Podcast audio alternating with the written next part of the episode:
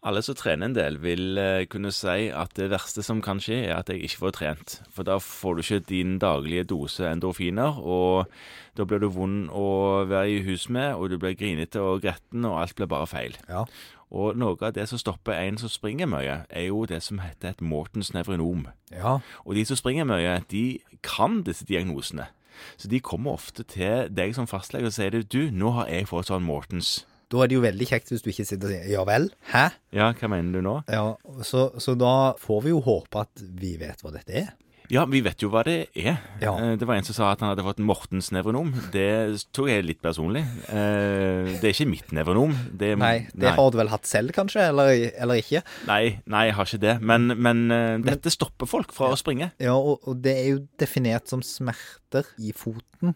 Ja. eh, Sånn i området for tredje-fjerde metatars og ut i tærne. Ja. En sånn brennende smerte. ja strålende, brennende smerte. Og, Mm. og klassisk så, så vil mange si at den forverres når man da belaster foten over tid. Ja. Klassisk sett, hvis du har et Mortens eller Mortons nevrinom, så er det fordi det er en fortykkelse på nerven. Er det en klump på nerven, liksom? En klump, ja. Eller Mm. ikke alltid nødvendigvis definert som en klump, men, men mer som en fortykkelse. Ja, men når du sier dette her, du ser det altså? På ultralyd eller MR, eller hva? Du kan se dette på ultralyd MR. Ja. Ja. Eh, Og for å få diagnosen Mortons nevronom eller Mortons metatarsalgi, Ja, så skal det være denne fortykkelsen. Ja. ok. Så vil jo spørsmålet være skal alle disse henvises til MR, og svaret på det er nok nei. Fordi at i utgangspunktet så vil du behandle dette ganske likt, selv om du klarer å påvise denne fortykkelsen eller ikke. Ja, og hvordan gjør du det, da? Nei, man tror jo at dette skyldes at eh, det blir for høyt trykk i dette området. Ja, Så smale sko kan være provokatør? Smale sko, eh, tverrplattfotet. Ja. Ser ut til å ramme kvinner litt oftere enn menn. Akkurat prevalenstall på det har jeg ikke, men litt hyppigere hos tverrplattfote kvinner som løper mye. Som løper mye, ja. Ja. Ja, men behandling var det vi snakket om, egentlig. Behandlingen er å få på seg bredere sko. Mhm. Trykkavlaste f.eks. med såler. Ja, så, sånn uh, innleggssåler? Innleggssåler. Og da, da kan man enten få noen som er ferdiglagt, som løfter på de rette plassene og avlaster trykk i dette området. Ja. Eller man kan i verste fall uh, få støpt fotsenger. ja, så du går til en slags ortopediteknisk eh, plass? Det kan man også gjøre, altså. For å få dette til. Så kan man jo prøve seg med medikamentell behandling. Og for at det skal funke, så er det ikke vits i Altså, vanlig antiinflamatorisk behandling vil ikke hjelpe hvis det er et nevrinom. Nei. Det vil i liten grad tilbakedannes av noe sånt. Så det er gjort forsøk med kortisoninjeksjoner og med lokalanestesi. Det ser ut som det har en noe bedre effekt enn placebo.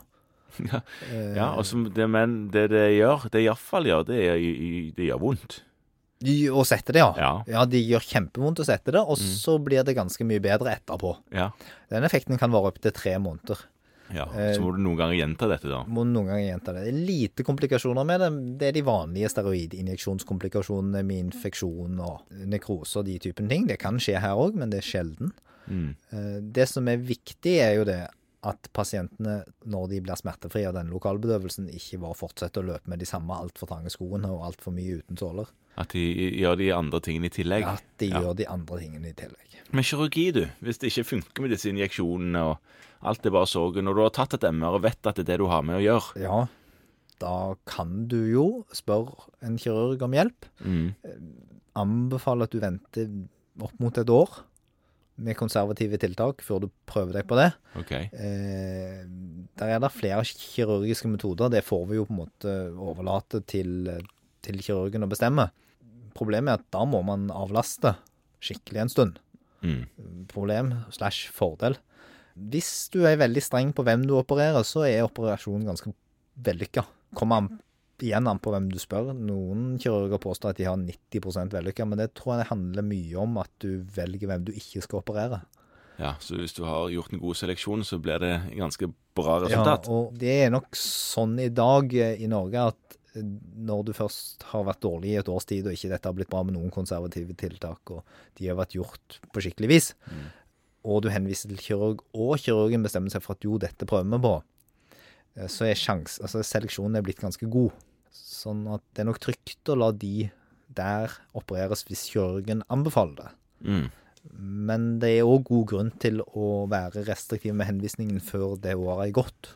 Så da er det sånne konservative ting mens vi venter på eh, at tiden går, og håper at det liksom går over, da. Ja, og det er veldig viktig å si at hvis du får på gode såler og litt grann omlegging av sko og steg og sånne ting, Mm. så er ofte smertelindringen ganske rask. Det vil si at de blir gode etter noen få dager, Ja, og kan fortsette med å trene seg opp til hva enn det er de måtte finne på å løpe. så bra.